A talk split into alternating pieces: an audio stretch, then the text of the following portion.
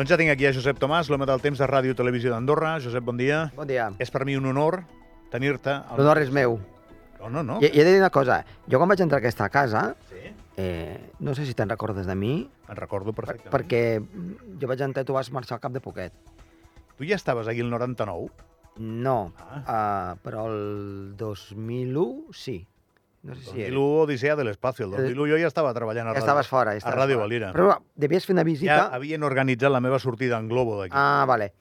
doncs a, a, vas, vas fer una visita, el que sigui, Això sí, això i sí. jo estava gravant i no me'n sortia. I vas venir per ràdio i em vas dir, ho has de fer així, així, així. I sempre m'he recordat d'això, eh? Doncs això no me'n recordo. Doncs pues mira, que ho sàpiguis, que ho sàpiguis, perquè no me'n sortia. Estava fent un flash Sí, gravat i, i no me'n sortia, no me'n sortia. Et vaig donar un consell, vas fer exactament al revés del que jo et vaig Eh, dir. exacte. I ho has aconseguit, I, no? I ho he aconseguit, i aquí estem, altra vegada. Bueno, a mi em fa gràcia això, sabeu per què? Perquè uh, jo estic acabant la... Estem acabant aquí tot l'equip, el Porcuna, el Tirri, l'Anna Mata i el, i el Moldes, la primera setmana d'aquesta nova aventura de 4 hores cada matí, i ens ho estem passant molt bé, però al mateix temps estic parlant i, i, i col·laborant i treballant amb gent que us veia per la tele. Jo et veig Mhm. per la tele treballar Clar. i ara doncs, em fa gràcia, em fa il·lusió. Clar. A veure, eh, t'he de fer una pregunta molt senzilla que, que no t'han fet mai. Quin temps tindrem aquest cap de setmana? Eh, ho dius per l'Andorra Taste? Tu podria dir O- per l'Andorra sí? Taste. Sí, tu podria dir O per l'Andorra anar d'excursió? L'Andorra Taste eh, és molt llarg, llavors te- t'ho Ja. poso fàcil i difícil alhora, perquè són moltes hores, és migdia i nit. En general, el temps ha de ser força bo. Què vol dir bo? Eh, amb núvols, amb clarianes, el dissabte no esperem precipitacions, um, i hi haurà unes temperatures doncs, eh, una mica com les d'avui, per tant, encara d'estiu- d'estiuet, no, no massa càlides, per tant, força bé en aquest aspecte. No hi haurà un cel totalment assolellat, però eh, hi haurà variabilitat en quant als núvols. No hi haurà precipitacions. I diumenge eh, començarem el dia amb força sol i després, a mesura que avanci la jornada, els núvols aniran augmentant. Aquí tenim el, el, el kit de la qüestió. Si diumenge a la tarda acabarà amb algun xafegó, tempesta, o la situació eh, més inestable seria durant la nit. Estem amb aquestes 4 o 5 hores que ballen. Per què? Perquè encara falten eh, doncs més de 48 hores i, clar, a mesura que te'n vas del moment inicial en què es fa la predicció, doncs, eh, els models ja comencen una mica a, a ser més dispars, no? I per això, doncs, a, aquesta situació de diumenge tarda vespre, podríem dir, eh, podria ser un moment més inestable de tot el cap de setmana. Però, mm, com diem, eh, al final ja del diumenge, per tant, en general, el 90% del cap de setmana ser estable. Molt bé. Uh, vaig explicar una interioritat també entre tu i jo. Abans has Digues. explicat una que jo ni recordava. Eh? Quan treballava al bàsquet, eh, hi havia una activitat en concret que m'amoïnava molt. Abans n'hem parlat amb Ja el- amb l'actual cap de comunicació del bàsquet, que era la presentació de l'equip, que és aquest diumenge. Perquè, clar, muntes un un sidral... Tinc la d'allà. Clar, muntes un escenari, tots els crios, eh, un grup de música, això no ho fas més que un cop l'any. Mm. I eh, el bàsquet, per sort, és una activitat que es desenvolupa sota cobert, no? I, i en canvi això no. Llavors et trucava cada any que feia la festa al carrer. Ja me'n recordo, sí, sí, sí. I, I- aquest darrer any... I tenies una precisió, i aquest any van fer la celebració de l'ascens, Sí, sí, també, i també et trucava, no? I, el que et vull demanar és, la gent abusa com abusava jo dels teus coneixements? Sí, sí, sí, sí, però no passa res. Home, a veure, Qui truca? Tothom. sí, a vegades... Uh, Per exemple, els de no l'Andorra dir, Taste, no, no els de l'Andorra Taste t'han trucat o No, no, de moment no. Bueno, Però de, de, de, de no puc dir. però és que tens... No, no pot dir. No, jo ja ho estic dient jo que ho feia i, i super agraït, et donava les gràcies Sí, sí. 50 vegades, però tenies una precisió gairebé quirúrgica. Per exemple, el dia de la darrera festa de celebració, amb aquella recepció al comú, que Sí. vam sortir al balcó amb els jugadors de bàsquet i tal, eh, vas encertar gairebé el minut eh, que es posaria a ploure. Clar, a veure, a mesura que ens acostem al moment doncs que, que ha de succeir un, un, un, una cosa com ara una, una pluja, una tempesta, doncs també ho pots anar mirant amb el radar. Saps allò que surt als, a, a la Fórmula 1? Sí? que diuen, in 10 minutes, rain, no? Doncs eh, és una mica el mateix, no? I es pot avisar amb, amb una mica d'antelació. A mesura que t'allunyes del moment exacte, doncs clar, és, és una mica més complicat. Però sí que en general, avui en dia, perdó, a mesura que doncs, ha avançat una mica més la ciència, pots anar precisant. Però clar, eh, aquesta precisió després ja has de ficar una mica de la teva part, dels teus coneixements o de la teva experiència, no? I aquí això és aquest, aquest si hi ha el 80% de, de coses de mètode científic, hi ha el 20%, però jo crec que I aquest lloc crec que a vegades et surt bé, a vegades et surt malament. També m'ha sortit malament, eh? No, a més a més, la, la gent, eh, us demanem, us demanem encertar. I el Clar, temps, clar. el temps no és teu. Clar, no, no, no s'encerta, és simplement... Eh, imagina que no hi hagués internet, no? Eh, jo me'n recordo quan estudiava que, que anava al, al professor i em donava un facsímil de, de, de coses de meteo, de mapes de meteo que venien d'Alemanya, en blanc i negre, el divendres, per mirar tot el cap de setmana. Perquè jo eh, doncs, eh, feia un petit programa de ràdio eh, al, als caps de setmanes, però en plan aficionat, no? Aficionat. I, I amb això tenies que passar. No hi havia ni satèl·lit Meteosat, ni res. Clar, si no tinguéssim internet avui en dia, fer les previsions seria molt, molt complicat. A tu t'han fet algun dia un reportatge d'on treballes, aquí a la tele? Sí, sí, sí. No? És que sí, no, no, no l'he vist. i, No vull dir, però del lloc on treballes.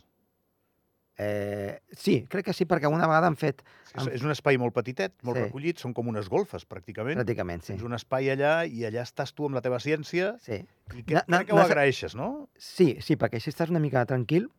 Necessitaria, una, una, ja, ja que obrim això de peticions, una finestra per poder veure el cel. És molt important, eh? Quan venen a vegades a fer stage als, als diferents alumnes, per exemple, del liceu, i, i passen per la meteo, jo sempre els dic que hi ha tres coses importants.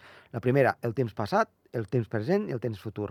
El passat és fàcil, ho mires amb, amb el que és doncs, una mica el, la, la situació que has viscut doncs, ahir, no? si va ploure, si va haver temperatures altes o baixes. El temps present, has de mirar el cel. Mhm. És important veure com fan els pagesos. És el mateix, perquè tu pots dir, sí, sí, plourà, però ho has de mirar. Has de mirar els núvols, quin tipus de núvols, com va el vent, del nord, del sud. Eh, S'està formant un núvol a l'alta muntanya. Què vol dir això? Ostres, doncs que està fent molt vent, o pot ser doncs, que eh, arriba una precipitació. Aquestes coses que semblen avui en dia rocades, de dius, home, avui en dia ja tecnologia ho tenim tot. No, no ho tenim tot. El que és l'essència és aquesta. Jo t'aniré preguntant quan vingui, Josep, eh? Aquí coses Cap problema. El que se m'acudi. Tenim una falca que hem de colar, per acabar, que no se Vinga. m'oblida, eh? Però tinc una altra pregunta. Saps quan... quan es... La vostra feina sempre és necessària, en la quotidianitat es transforma en una eina de consulta, però hi ha moments que és crítica. Uh, per exemple, jo veig el que ha passat a Líbia Sí. I ho comparo amb el que va passar recentment a Madrid, Mm. per exemple. Eh? I ara, ara m'entendràs.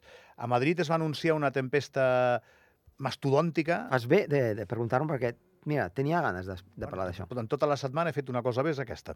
Uh, No, no, segur que n'has fet moltes més, eh? bueno, sí. Quan acabo, dia adéu. Uh, no, el que anava a dir que... Deixa'm recuperar el fil. O sigui, a Madrid. A Madrid van anul·lar un partit de futbol, per Sí. exemple, de primera divisió, Uh -huh. van dir a la gent que es quedés a casa, Sí. es va produir una situació d'alarma per un fenomen meteorològic, una dana, eh, i al final el fenomen meteorològic va existir, però va ser més tímid del previst. Uh -huh. En canvi, a Líbia he vist el drama impressionant que han tingut també amb un fenomen meteorològic. Val. I, I allà no tinc ni idea, eh? no, no tinc ni idea de quin, quin era el nivell d'alerta que tenien a través Val. dels mitjans. Llavors, clar, si avises, et criticaran perquè si, si tens un nivell d'alerta molt gran i sobreprotegeixes, atures el món, l'economia, et criticaran per fer-ho, no? I en canvi veus que si no avises poden donar-se situacions realment tràgiques. Mm. I els meteoròlegs esteu atrapats en aquest ecosistema tan Sí. estrany, no?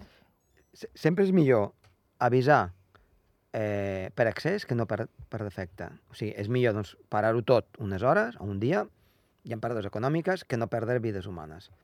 Clar, això és Però la costa molt parar, eh? Però cal fer-ho. Per què? Eh, si vols anem primer a- al tema de Madrid i després al, al de Endavant, Líbia. no, no t'interrompo, endavant. El, el tema de Madrid, eh, la, la dana, la pertorbació aquesta, era molt forta i tots els mapes indicaven que si no era Madrid era Toledo, o era Àvila, o era aquesta zona. Clar, detallar al 100% on caurà, eh, tota una EMET, que és la, el Servei Meteorològic d'Espanya, mm, amb, amb els milions que té de pressupost, i ho fa així, és que ho fa bé. Ho fa bé. Mhm. Alerta eh, taronja o vermella. Pues la gent no ha de sortir. Eh, si en lloc de Madrid capital pues se'n va 10 o 20 o 30 o 40 quilòmetres més nord o més al sud, doncs mala sort. El, el món científic encara no està prou desenvolupat. O sigui, gràcies que tenim això i podem arribar fins aquí. Eh, perquè al cap i a la fi després va caure a Toledo, si... Sí, sí, va haver llocs on, on va caure com havia de caure. van morir 4 o 5 persones. Per això mateix. O sigui, Per tant, poca broma, on, eh? On tela, sí, sí. Menys sí. mal que, eh, doncs, eh, diguem-ho diguem així, que es van equivocar, que en lloc de...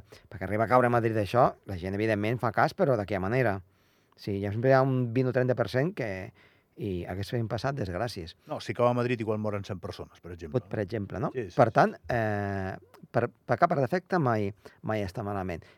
Va ser un error? No. El que va ser l'error va ser dels polítics. Va haver una política que ho va fer molt bé, que va dir, l'Ayuso va dir, escolta, doncs mira, eh, gràcies per doncs, l'alerta, perquè ha evitat doncs, que les emergències puguin sortir si fes falta. Que no ha sigut? Doncs perfecte. En canvi, l'alcalde de, de, de Madrid doncs, es va queixar. Per què? Perquè quan no, Perquè era de l'Atlètic de Madrid, Eh, sí, que és el quan- que, és el que jugava a Clar, futbol. quan no s'és científic, amb aquest aspecte, el que has de fer és callar i deixar-te portar. Llavors, sí que has de donar la cara, però bueno, és polític, has de donar la cara. Doncs mira, hem fet això perquè ens ho han dit els científics. No ha sigut, no passa res. Pitjor hagués estat, home, això això es repeteix molt sovint, doncs sé que pots fer una queixa, però no pots dir és un dia A i l'altre dia B. No, és molt episòdic. I, i queda... Grècia i Líbia. Eh, és la mateixa perturbació. Sí. Grècia, 1.000 litros. A, a Líbia, 200 o 300, si no me'n recordo malament. Eh?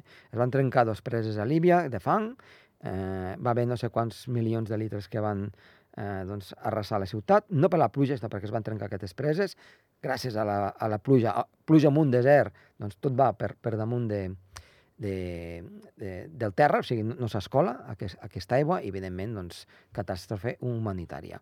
Eh, depèn del país a què et toqui. No, hi No, és, és aquest Sí. món que ens explotarà al cap, Josep, que Ja està. Vull dir, si no plou perquè els no mil plou, i si litres de Grècia cauen a Líbia i no sé quants morts hi ha, però n'hi ha moltíssims, haguessin sigut multiplicat per 5. Perquè mil litres en un desert és, mm, bueno, mm, l'arca de Noé, directament, Imagina't. directament, eh? eh? Per tant, els països que estan més desenvolupats tenen una situació millor per poder doncs, eh, aguantar aquestes catàstrofes i que l'impacte sigui menor. I, i en aquest cas doncs, és una mica el que, el que ha passat. Josep, fes el favor de dir-me el programa que tens a Ràdio Nacional d'Andorra, que la gent vull que t'escolti Doncs massivament. Avui, avui a dos quarts de set i redifusió diumenge a les 12. Eh, parlem aquest primer eh, episodi, podríem dir, aquest primer programa amb Lluís Miquel Pérez, també doncs, a meteoròleg de la casa, i fem una mica de tertulieta i parlem, entre d'altres coses, de l'estiu que ens ha fet aquí a Andorra, de com pot ser a la tardor i fem una pinzellada de, de l'hivern. Digues el nom del programa. El Torb, El Torp. amb Josep Tomàs. El Torp, amb Josep Tomàs. Hem passat la teva promo algun dia per aquí, eh? Sí, sí. Merci per venir. Aniràs venint, no? Sí, sí, jo cada divendres aquí com un clau. Soc fan teu. Perfecte. Gràcies, Josep. A tu. Eh, Seguim, que tenim moltes més coses. Vinga.